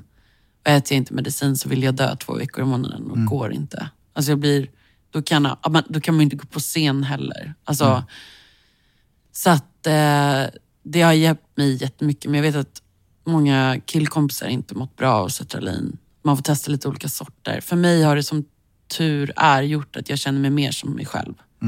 Och det är helt magiskt. Och jag menar, efter Ja. min insättning, jag mådde ju helt okej under perioden eh, när jag var på det. Men jag käkade också 150 milligram. Jag käkar hundra. Så det var ganska st- stor Stark dos dos. att sluta med tvärt. Liksom. Men jättedåligt. Ja, men det, det, var, det var jättedåligt. Eh, Men, men idag så är jag mycket starkare. Mm. Jag, jag ska inte säga att jag är liksom på något sätt lyckligare än vad jag var innan, men jag har mycket mer insikter. Mm. Under den här sorgen så jag lärde mig så mycket om mig själv. Och så här som vi pratade eh, om innan, att så här, jag som man, det var ju under den perioden jag gick igenom så här, vem är jag? Vad har jag gjort? Vad har jag bidragit med? Vilka situationer har jag utsatt någon för? Du vet, och Det är därför det är också så jävla bra att du hade den där äh, kontakten som sa, alltså måste vara en ganska smart person. Ändå. Ja, alltså, Nej men jag menar det var- som ändå sa så här, det- du det- kommer få såna här tankar. Det var köpläkare. Alltså, li- ja. jag, jag, går privat Ja. när jag söker Ja. läkarvård. Kosta vad det kosta vill. Du får hjälp så här. Ja, Eh, och det, det passar mig. Eh, det jag förstår det. Det började med att jag hade eh, svårt att andas. Eh, och då sökte jag vårdcentralen och de, det var bara skit tyvärr. Eh, Mm. Den här podden ska inte alls vara för att liksom snacka skit om något annat Nej. system. Men det var skit för mig. Ja. Och så gick jag då till eh, privatläkarvård. Mm. Samma dag fick jag röntga lungorna. Samma dag fick jag lämna alla blodprover. Samma, Mm. Jag fick göra allting samma dag. Det kostade mig 10 000 spänn. Men jag fick göra... Hon sa så här, vad vill du att jag gör? Mm. Då sa jag så här, men, men så berättade jag hur jag mådde mina symptom och så sa jag så här, gör de undersökningarna du hade gjort på ditt barn. Det är vad jag vill att du gör. Så hon bara, okej, du gör det här, da, da, da. och sen så bara samma dag, klart. Eh, istället för att bollas runt i... Jag, sökte, jag har haft... Eh, det jag säger nu är inte för att skrämma upp någon av, som kanske tycker om mig och sådär, men jag har haft väldigt svåra bröstsmärtor i, sen dagen innan nyår. Eh, som har kommit och gått och det har huggt och det har stickt och, och jag, liksom, jag har haft kontinuerligt ont och det har molnat och det här är på vänster sida. Eh, sådär. Eh, och jag var så här, ah, alltså det är lugnt, det är lugnt, det är lugnt. För jag har ändå känt mig bra, liksom, fast jag har haft ont. Men så till slut var jag så här, men jag kanske ska söka vård ändå. Bara för att det är ändå på vänster sida och det är liksom, jag har verkligen ont. Det är så här, jag inbillar mig inte. Ehm, och då så sökte jag via någon eh, app, inte Kry utan så någon Capio vårdcentrals app. Ehm, och då, man mejlar ju typ in sina symptom. Man pratar inte med någon. Och så ringde en sjuksyster upp och det enda hon var så här, hon bara, du behöver åka in akut. Det här måste du ta på allvar, du måste åka in till akuten nu. Så jag bara, men lugn nu. Liksom. Jag har ingen feber, jag har varit på gymmet. Så. Liksom. Hon bara, men du, du, liksom, du måste utesluta att det är en hjärtinfarkt. Du, du kan ha en tyst infarkt. Liksom. Ja. Eh, du måste åka till akuten. Och då blev jag skitstressad. ja. Eh, och jag sätter inte min fot på akuten nu. Alltså vården är så överbelastad och det är omikron och det är liksom, det är så här, eh, och då känner jag en, en, jag har en vän som är akutspecialist på akuten. Liksom. Så jag pratade med den här personen då eh, och han var så här, alltså det är ju liksom, självklart ska du ta symptomen på allvar. Men vårdcentralen kan inte neka dig vård. Du- Du behöver lämna ett EKG, för på EKG ser man om du Okej. har en påverkan på hjärtat. Ja, Så du går till vårdcentralen i första hand. Så då blir jag skickad till vårdcentralen igen. och vårdcentralen skickar mig tillbaka till akuten. Eh, classic. och nu sitter jag, jag har inte gått. Nej, okej. Nu har jag inte sökt vård. Nu skiter jag i det. Alltså dör jag så dör jag. Alltså så här, men det är ingen som tar emot mig. Nej, jag vet. Eller så går jag då till privatvården och lägger 10 000 igen. Men, Men jag har i, inte i samma nuläget ekonomi. har vi ju inte 10 000. men det det man jag har, menar. Jag- man jag kan inte- lägga det, som du säger, att jag bara... För jag tänker också så här ibland, man bara, kan inte bara få göra min ADHD-utredning på typ en vecka, kostar Mm. 50 000. Det har jag inte nu. Hade jag haft jobb hade jag lagt de pengarna. Bara för att så här, tid är pengar. Jag vill också säga att så här, idag, från och med igår har jag inte haft ont. Nej. Peppa peppa ta i trä. Liksom. Eh, det kan vara stress. Och så här, jag började i noja vid 90 Eller en inflammation. Ja, alltså så här, men just nu är det bra och jag har gymmat idag också och jag sitter här nu och spelar in det här så att det är lugnt. Men men just den där runtbollningen när det kommer till vården är, den är svår. Alltså den, det, det, Det, det finns pengar. Hon Svenonius, som moderaten som styr Stockholm, Mm. bland annat. Jag har ingen aning. Hon har gått alltså, så jävla mycket i vinst på vården i Stockholm under Mm. pandemin. Alltså sinnessjukt mycket. Ja, det kan jag tänka mig. Alltså, jag vet ju bara vad... Mm. Så det finns pengar. Mm. Jättemycket pengar finns det. Det vet ju du och jag. Vi är ju med och betalar. Mm. Så att allt handlar om politik. Ja, och så är ju samhället. Liksom. Och det, det är en fråga jag inte kan någonting Nej. om, så den ska jag låta vara i, den här, nej, men i det här forumet. För att, Ja. eh, eh, det viktigaste här är att vi får folk att lyssna och kanske bli inspirerade av att Ja. våra stories. Hur liksom. överlever man Ja, men så här, hur överlever man? Eh, Jag, jag har ju överlevt hela mitt liv och nu lever jag mitt liv. Det är en jävligt stor skillnad. när Jag blev det- trött på att överleva. Alltså jag insåg att så här, hmm, ska man överleva eller ska man leva? Och hur ska man göra för att leva? Liksom? För, att, för det första måste man utesluta saker man måste överleva ifrån Mm. på något sätt. Alltså för att man kan ju få ett mönster, alltså som du frågade mig om gymnasietiden, att så här, äh, man, hamnar man utanför samhället på något sätt, att så här, du går inte till skolan eller du vet, man flyttar runt och så här. Jag fick ju liksom ett självskadebeteende, alltså deluxe. Hur uttryckte sig det? Ja, men missbruk, ätstörningar. Alltså jag tränade ju hela min barndom. Jag dansade på ganska hög nivå. Alltså typ sju dagar i veckan. Så jag hade typ magrutor. Liksom. Eh, men eh, sen i mitt där nya liv, då var det ju bara så här, ja men alkohol. Liksom. Och i Stockholm finns det ju otroliga mängder kokain överallt. Du vet, jag hade äldre pojkvänner. Eh, jag gick inte i skolan. Kunde den, den drag... Det här är... Eh, eh, Man kan väl säga att jag har varit i en missbruksperson, även alltså sexmissbruk, droger, alkohol. Men jag har varit i... Alltså du vet, jag började jobba med TV när jag var 21. Och det, allt, var så väldigt, allt har alltid varit så helt planlöst. Jag har bara hamnat på olika ställen och sen har jag väl haft ett grunddriv. Annars hade jag inte hamnat någonstans. Men att... ehm, ja men så här vad ska man säga, alltså du vet ju själv, alltså om ens norm är otrygg så blir ju otrygghet tryggt. Så jag har lätt hamnat med folk där jag har blivit skadad. Liksom. men har du valt män eh, eller partners ut efter de kriterierna? Nej. Eh, utan man skulle kunna säga så här, jag har haft eh, ett gäng fina pojkvänner. Snälla. Så.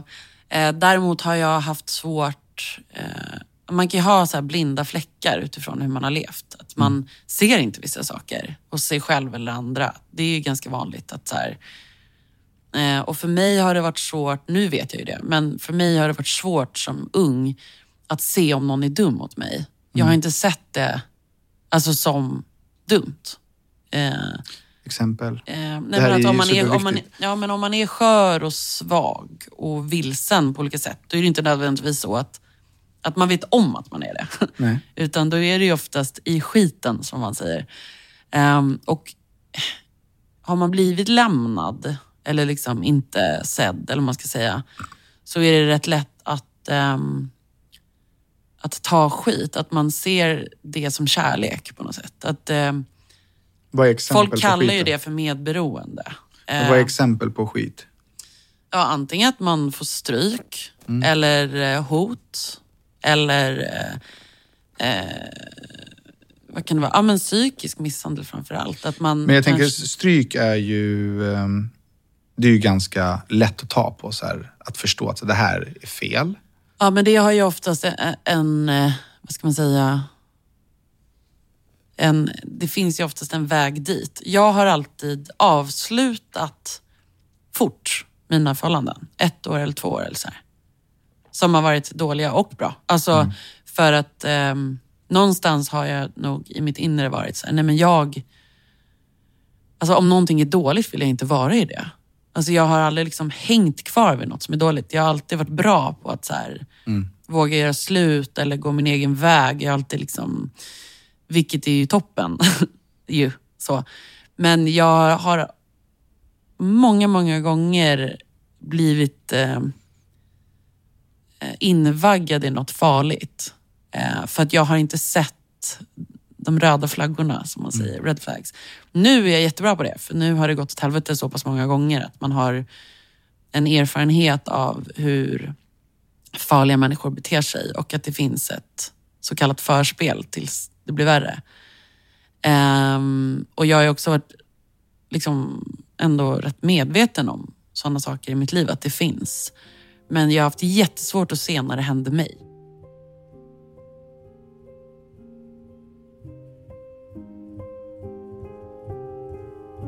Har du varit rädd för att lämna en situation? Eller relation? Ehm, ja, men jag har haft tillräckligt mycket vänner och sånt för att känna att det är lugnt. För det är Eh. väldigt vanligt att kvinnor hamnar i relationer som de inte vågar ta sig ur. Har man barn med någon så förstår jag 100% att man stannar kvar. För att man vill inte lämna sina barn till en våldsam person. Nej. Och så. Men eh, när jag, jag, har, jag har lämnat eh, farliga män. Det har jag gjort. Liksom. Eh, och tänkt, det här kommer inte hända igen.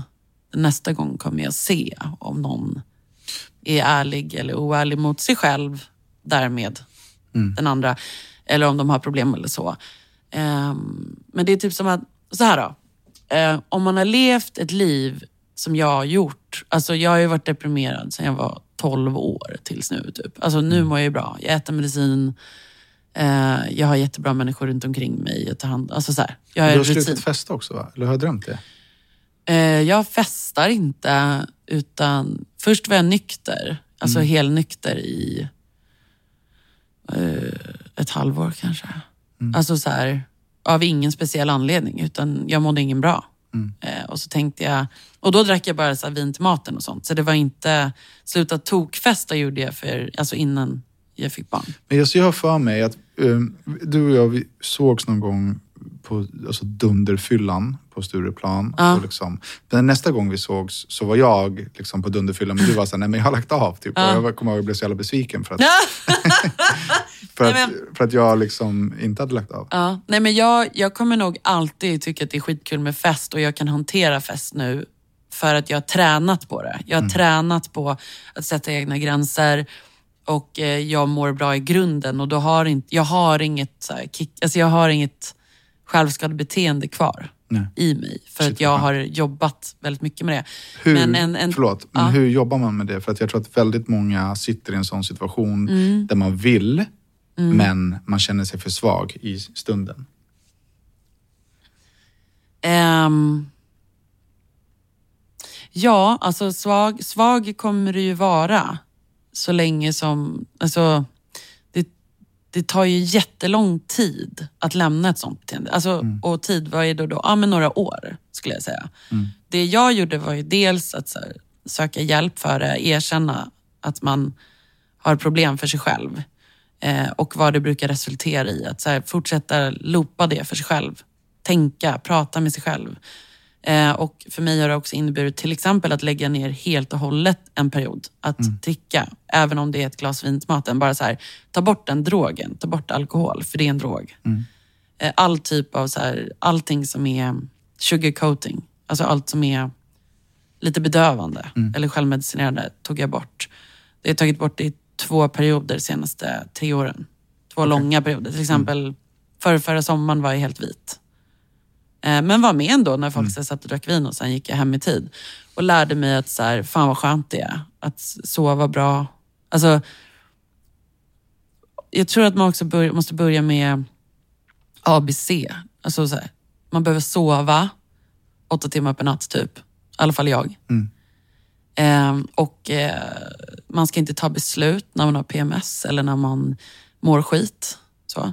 Och är man, vill man inte leva, då ska man säga det till någon. Det gjorde jag. Det har jag gjort flera gånger. Eh, jag hade lätt kunnat ta livet av mig. Alltså tusen gånger i mitt liv. Men jag har haft musiken. Har man inte musiken, alltså har man inget att leva för, då är det jättesvårt. Jag tänker att oftast om man har ett hål i sig så måste man ha något att fylla det hålet med som inte är alkohol eller destruktivt eller kicksökande. För kickar finns ju överallt att hitta. Det kan man ju nästan... Ja, så.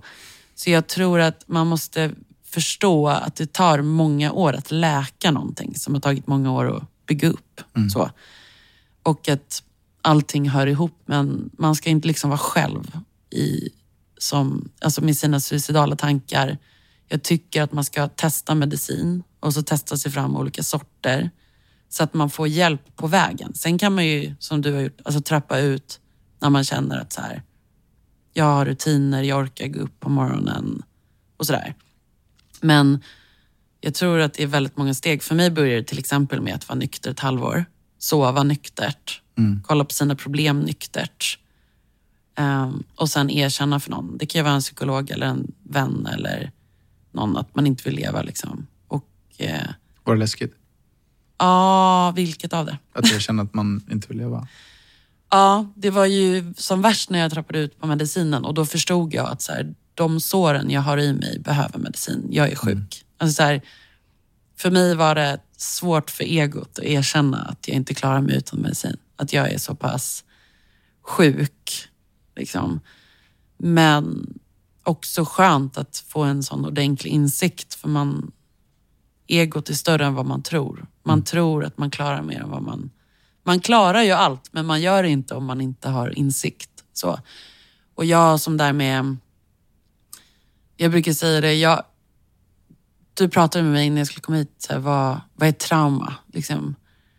Ehm, jag har trauman i mitt liv, som det där med teatern är mitt största trauma. Men jag har också blivit brutalt våldtagen och suttit i rättegångar och du vet, sådana saker. Inga problem att leva med det överhuvudtaget. Hur kommer det sig tror du? Eh, nej men dels här, när jobbiga saker händer när ens liv alltid är jobbigt så är det inte en så stor grej För dig? för mig. Men däremot, när jag fick någonting som gjorde mig lycklig som, och jag hade en treårsplan. Alltså som om man kommer från depression och självskadebeteende och man har jobbat sig upp till att orka leva och sen så får du din dröm serverad på fat, fast ändå 0% serverad. Men du fattar vad jag menar. Då, då var det som att förlora saker som betyder något för en. Det gjorde mer ont. Liksom så. Jag har liksom levt ett så pass hårt liv att jag blev stenhård i några år och bara var helt lost. Liksom. Och jag kommer inte ihåg flera år av mitt liv. Men att bli då brutalt våldtagen, som tyvärr väldigt många har blivit. Mm. Och jag tror att det är ganska många som inte håller med dig om att... Nej, det gud nej. Att det är en, Alltså en det sån- var ju inte piece of cake då. Liksom. Men att, att inte ha någon vuxen är till exempel mitt största trauma. Mm. Att jag har varit ensam. Eller typ att man inte gick i skolan. Alltså att man inte haft något sammanhang. Det har skadat mig mer. Att ha någon som finns där, som bryr sig om en, som ser en. Tror jag är det absolut viktigaste. Att vara ensam är livsfarligt. Mm. Om du är ensam, typ som du har skrivit någon gång. Alltså att du fick barn gjorde att du bara, fuck, jag måste, jag kan inte vara en sån här person. Det är ju samma sak när jag fick barn för fyra år sedan. Att sen dess har jag ju varit tvungen, innan hon blir stor nog, att så här, må bra. Och sen har jag jobbat jättemycket på förskola, jag har jobbat jättemycket med barn. Jag, har, jag älskar barn. Så att jag har vetat hur jag ska vara mamma. Och så här, varit en glad person och gjort, alltså, jag har gett henne ett sunt liv. Men vid sidan av har jag behövt jobba stenhårt med mig själv för att eh, komma ur depression. Alltså bli en normal person. Har ju varit så, här. så att jag menar inte att det inte är ett trauma Nej, men, att bli och, våldtagen. Men mitt, alltså det som skadat mig mest var att ingen fanns där. Men så här, alla äger ju sina egna upplevelser. Som jag sa i början av podden, att så här, om du upplever det, så här, det, det är en mindre grej än det här, så kanske någon annan tycker tvärtom och det är helt fine. Man får Mm. Verkligen. verkligen äga sin egen känsla. Verkligen. Men, men min, min fråga är hur du Mm. har hanterat det för att komma tillbaka till att faktiskt idag då ha en, en sambo eller ha en man i ditt liv. Alltså, Mm.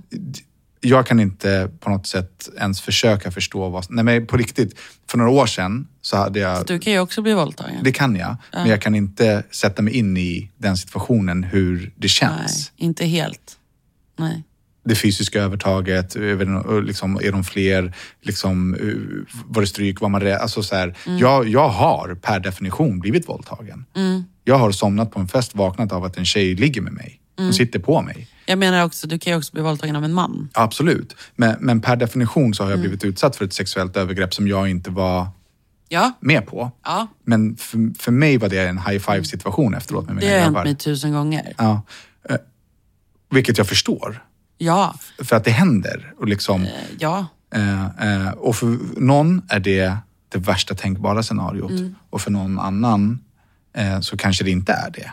Så det, är- det är väldigt... Om vi, om vi säger så här. Eh, alla människor... för, förlåt, men har det hänt dig tusen gånger? nej, nej, men jättemånga gånger. Ja. Ehm, alltså för att om man lever ett, ett farligt liv i farliga situationer, då är man ju också extra utsatt. Så Men är det ju. Alltså förstår jag vad jag menar? Men, men tänker Hade du jag levt ett vanligt lite liv, På, men tänker då, te- då är min fråga, tänker du att det ligger lite på dig för att du har valt de farliga situationerna? Nej, men eh, det är logiskt att, att det har hänt, hänt mig många sådana saker. För jag har varit i, i liksom kretsar där det är farligt. Där jag är utsatt. Mm.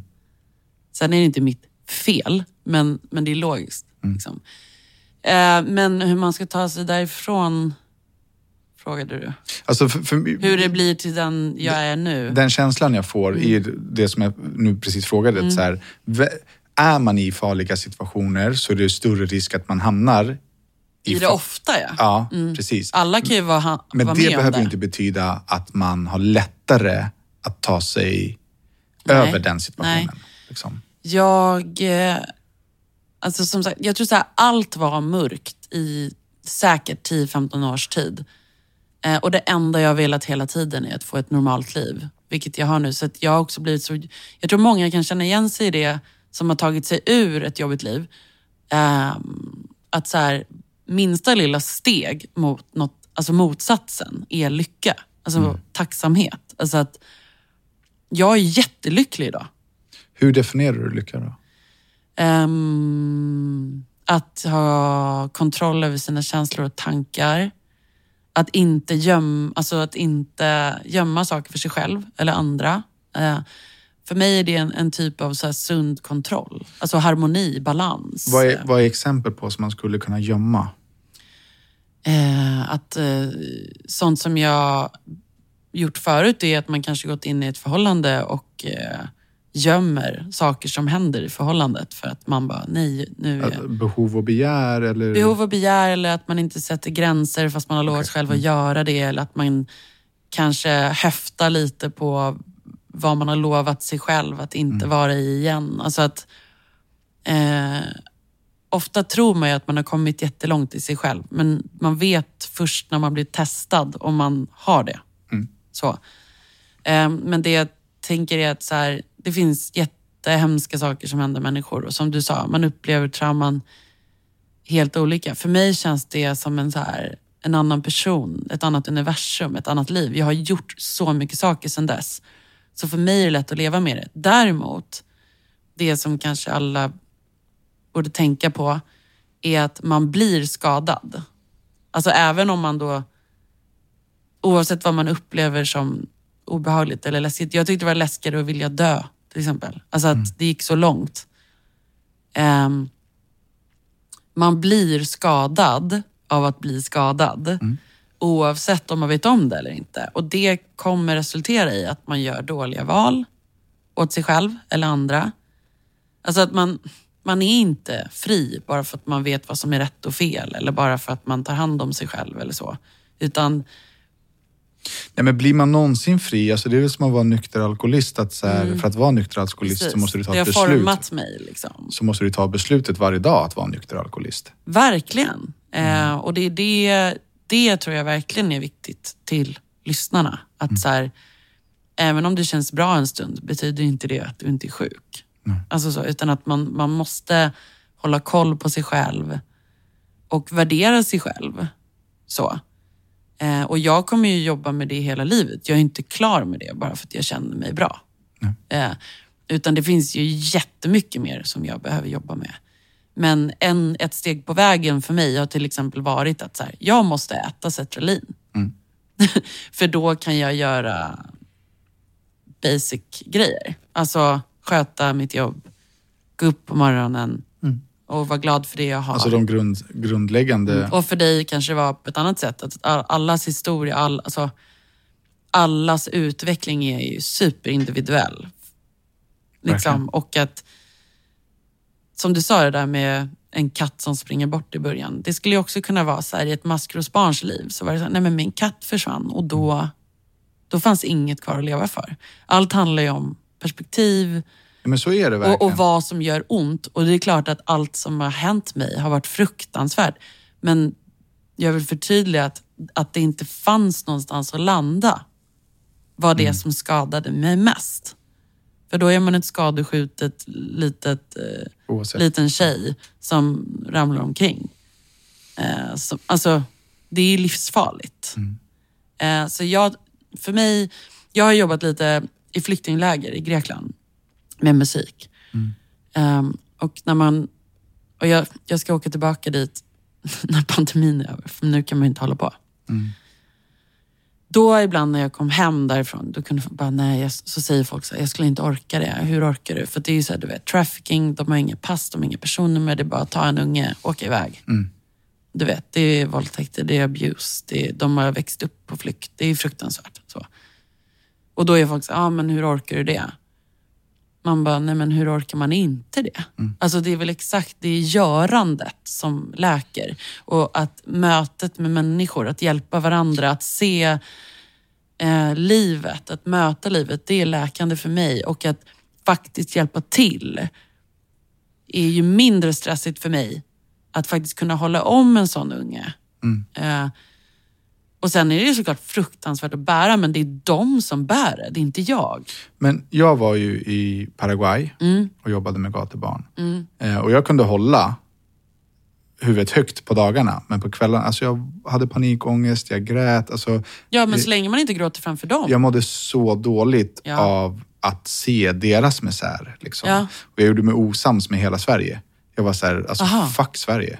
Alltså, nej, men så, Hur då? Via Nej, men, din Instagram? nej, men så vilka, fan, vilka fan är ni? Ja. Ni, sitter, ni sitter och gnäller på att eh, det inte är någonting på TV eller eh, att ni liksom inte har råd med ett paket cigg eller vad fan det nu är. Jag bara, håll käften. Alltså jag, alltså, jag blev arg på alla liksom, människor jag har runt omkring mig. Jag är uppvuxen fattigt, men vi hade fan råd att skänka hundra spänn till bättre behövande. Mm. Liksom. Ehm, Ja, men det, det, är ju, det är ju något man unnar alla att se. Och det var- det, är det ingenting helt som, det är ingenting som gör en till en hjälte överhuvudtaget. Men däremot så skulle det ha en otrolig effekt på samhället om alla fick åka iväg på en sån resa. Mm. Det krävs bara två dagar tror jag. För alltså så här, det skulle jag kunna tänka mig att betala. alltså så. Men då, då tänker jag på det där just att när man kommer hem och att folk bara hur klarar du av det här och hit och dit? Man bara, fast om du skulle veta hur vissa på ditt jobb har haft det hemma som barn så hade du kanske satt något i halsen. Alltså, folk verkar ha så lite koll på mörkret som finns där ute och att alla vi som har upplevt mörker är precis som vanliga människor som går omkring så. Eller när folk sitter och pratar om weedrökare eller missbrukare men de har en bild på Amy Winehouse på väggen i sitt perfekta kök som de har renoverat om för att de vill ha sin egen stil. Men det är ju så, alltså. Alla har sin story. Mm. Och ingen story är värre eller viktigare än någon annans. För det Nej. är 100% din egna upplevelse av din story. Ja. Jag vet folk som har haft, haft det super, super tufft. Som är så här, eh. Gästen som kommer efter dig nu eh, har förlorat sin mamma, sin bror och sin dotter. Mm. Eh, inom loppet av ett år. Mm. Herregud. aldrig hört han klaga. Aldrig Nej. hört han vara negativ. Aldrig, alltså aldrig någonsin. Nej. Huvudet högt bara. Och det här är en barndomsvän till mig och vi har liksom inte gått in på det här. Men, men, och det ska bli liksom intressant. Väldigt, intressant att gå in Ja. på, på det här och prata med han på djupet om det. Mm. Ehm, men men eh, jag i min tur har haft det jävligt tufft. Liksom rent psykiskt och fysiskt. Mm. Men, men att jag har inte förlorat min mamma, min bror och min dotter. Nej. Och det, vet Liksom. du vad? Det, du kan känna igen dig det. Det brukar jag tänka på flera dagar i veckan. Alltså när jag tycker att det är tufft Mm. så tänker jag så här, jag har inte cancer. Och inte så här en klyscha utan det är för att du känner, man känner ju en massa folk som har cancer. Det är inte långt bort för mig att, att ta på. Det är så här, jag har möjlighet att ha en bra dag. Eller jag har möjligheten att göra den här veckan bättre. Eller så, ah, mår jag dåligt? Varför mår jag dåligt idag? Om jag inte kan komma på varför, då kan jag gå igenom lite. Försök, då kanske jag mediterar till exempel. Eller går till någon häxa i skogen och bara kör lite mindfulness. Och kanske går igenom lite, så här, vart är jag någonstans? Aha, men jag är där. Det är ingen konstigt att jag mår dåligt. Nej. Man kan må dåligt en dag. Eller ringer en polare eh, och pratar. Och så här, det är ett liksom ständigt arbete, men framförallt brukar jag tänka att jag är så jävla lycklig, att jag är frisk. Alltså, och att min dotter är frisk. Alltså att jag inte för tillfället går igenom något helt sinnessjukt jobbigt. För det tycker jag är lycka. Alltså när det inte stormar är jag lycklig. För att mitt liv alltid har stormat. Och nu kan jag också se till att, och för de som lyssnar nu som har varit utsatta för övergrepp eller våld, det är med en hela livet. Men tänk, man måste tänka på att man gör våld utifrån våld. Eller vad heter det? Man gör lätt våld på sig själv utifrån, efter våld. Vilket har jag, jag gjorde i flera, flera år. Och alla sådana beteenden finns inte kvar hos mig. Det liksom tillhör mitt gamla jag. Eh, och det är, jag tänker, det där vi sa med trauman eller att jag inte upplevde kanske typ eh, våld som det största traumat utan snarare det som fanns runt omkring. Precis som att folk som har blivit mobbade tycker det var värre att folk tittade på och var tysta än själva mobbningen. Och det, det är lite det jag försökte Jag beröra. Att jag blev stenhård av mitt liv. Alltså jag är stenhård. Så att jag har ju gått igenom saker stenhårt efter det. Och tänkt att det är jag eller att det är normalt. Tills man fattar att det är inte normalt. Det är inte normalt, inte... Alltså att vara så hård som jag blev. Jag världens hårdaste person. nu är jag ju verkligen inte det. För att jag har gått tillbaka till liksom min grundperson när jag var liten. Liksom så. Men att ah, man, kan, alltså man kan verkligen överleva allt. Alltså hjärnan Ja, är otrolig. Man kan överleva allt och det är det som är hela syftet med den här podden. Ja, hjärnan är, alltså, vi är så smarta. Vi har sån otrolig tillgång bara i våra tankar. Att styra våra tankar, förstå våra tankar. Förstå att alla känslor är inte sanningen. Det du känner behöver inte vara sant. Det kan vara ett resultat av någonting. Det kan vara en oro. Så att liksom med hjälp och att man tränar sin hjärna och sig själv varje dag i flera år så kan man bli den man vill vara. Jag har blivit den jag vill vara och jag är jätteglad för att jag har överlevt massa shit. För att du kan inte köpa den erfarenheten. Och jag tror att man också Botox Cosmetic, Autobotulinum toxin A, FDA approved for over 20 years. So, talk to your specialist to see if Botox Cosmetic is right for you. For full prescribing information, including boxed warning, visit BotoxCosmetic.com or call 877-351-0300. Remember to ask for Botox Cosmetic by name. To see for yourself and learn more, visit BotoxCosmetic.com. That's BotoxCosmetic.com. Hi, I'm Dory Shafrir, And I'm Kate Spencer. and we are the hosts of Forever 35. And today we're talking about Club Med, the best all inclusive getaway for families. Today, Club Med has nearly 70 resorts worldwide, from beachside resorts in the Caribbean and Mexico to magical locations in the Maldives and Morocco to ski resorts in the mountains from Canada to the Alps. Between their all inclusive family programming, wellness offerings, land and water sports, and their French heritage inspired food and drink offerings, Club Med is the best way to elevate your family getaway, no matter which location you're at. To learn more, visit clubmed.us. Jag jobbar också mycket på att så här, bli harmonisk och bemöta människor och försöka jag vet inte, sprida kunskap om saker snarare än att vara arg eller så. Jag försöker också att vara väldigt mycket mindre arg Mm. nu för tiden. jag, har, ju- nej, men jag, har, jag har ju lätt till att vara arg. Mm, Då är liksom. det en rolig utmaning också. Ja. Ja, och, och, men det går ganska bra ju äldre jag blir. Liksom. Mm. Att inte bli arg hela tiden och vara så här, ja, skitsamma. Liksom. Ehm, utan att det tar för mycket på ens egna själ. Liksom. Det är också svår balans. Man ska inte blanda in stolthet i det här utan ehm, för st- stoltheten ställer till det.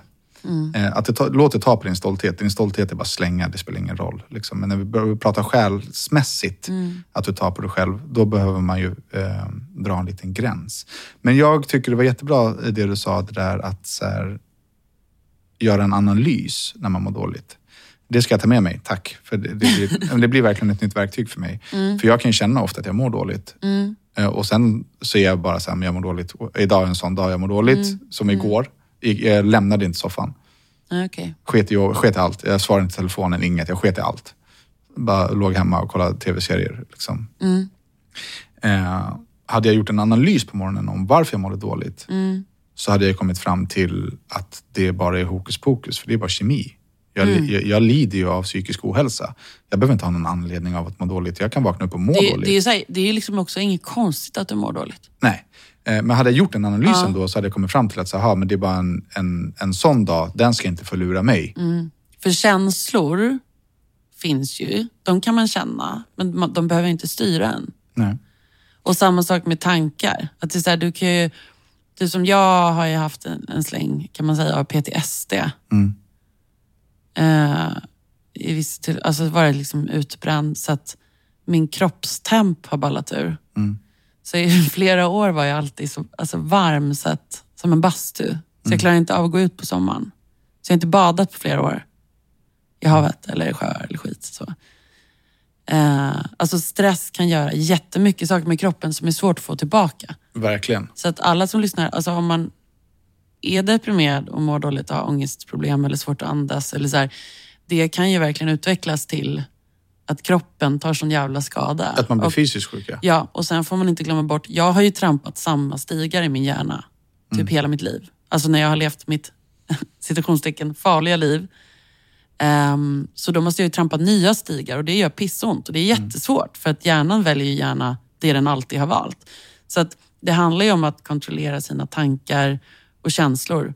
Och det kan man lära sig genom KBT, mindfulness och hit och dit. Men man måste hitta sitt eget sätt att förstå det på.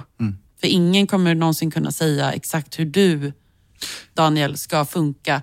Men det är bra att prata med sig själv. ja men verkligen. Och ha- Mm. som sagt, hade jag gjort det igår, då hade jag inte legat i soffan hela dagen. Nej. Aldrig. För att jag hade kommit fram till att så här, aha, jag har inget riktigt. Mm. Jag har hälsan, liksom, så här, um, ja, saker och ting är på väg att bli bra. Mm. Liksom. Sen kan det också vara att man kanske bara, ah, jag kanske behöver återhämtning. Jag kanske måste planera in återhämtning. För att de flesta, väldigt många bränner ju ut sig idag. Och speciellt män tror jag. För att det finns en bild av att män, liksom, män pratar inte så mycket med varandra om känslor och så eh, kör man bara på för att man har alltid kunnat köra på och så kanske man har barn och så går något åt helvete och sen helt plötsligt så orkar du ingenting. Och så fattar man inte hur, varför orkar jag ingenting? Ja, för att din hjärna har lagt ner. Du kommer inte ihåg vad din mamma heter. Alltså, så långt kan det ju gå med stress. Ja, verkligen. Eh, och det handlar inte om att man inte kan ha ett jätteaktivt liv. Alltså man kan ju ha, göra saker dygnet runt om man vill. Det handlar om hur man gör det. Och varför. Alltså att man, man måste ha återhämtning och man, ja, man måste också kanske göra något med sitt liv som känns värdefullt. Precis som att vara inte i ett förhållande som du inte mår bra av. Gör slut. Så. Med de orden. Ja. Gör slut. Nej, med, med, med, de orden så har vi, med de orden så har vi eh, eh, kommit till slutet av podden. Så det är dags att göra slut på det här avsnittet. Eh, men jag är, är tacksam över samtalet, tacksam över det verktyget. Jag får i nästan alla avsnitt jag spelar in ett verktyg att ta med mig. Är det sant? Ja. Gud vad fint. Eh, det här om något är ju... En Jag har aldrig pratat om de här grejerna i ett något medium. Nej, men det här om Så något du Är, vet. ja, vad härligt. Tack. Ja, det var ganska obehagligt och nice. Ja. Men också lite läskigt. Men eh, väldigt givande skulle jag tro. Inte bara för dig, men för, för lyssnarna. Eh, hörni, Tusen tack för att ni har lyssnat och så återkommer jag med en nytt avsnitt nästa vecka. Tack hejdå, Julia. Tack, hejdå. hejdå.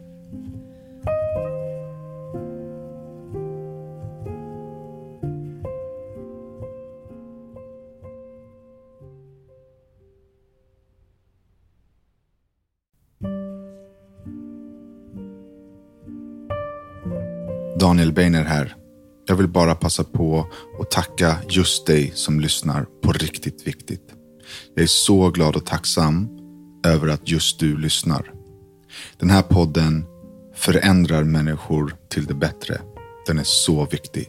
Och vill man så kan man stötta arbetet med Riktigt Viktigt genom att bli medlem på Patreon. www.patreon.com riktigt viktigt. Som medlem på Patreon så får man tillgång till allt material långt innan det släpps i de vanliga apparna. Tusen, tusen tack för din tid.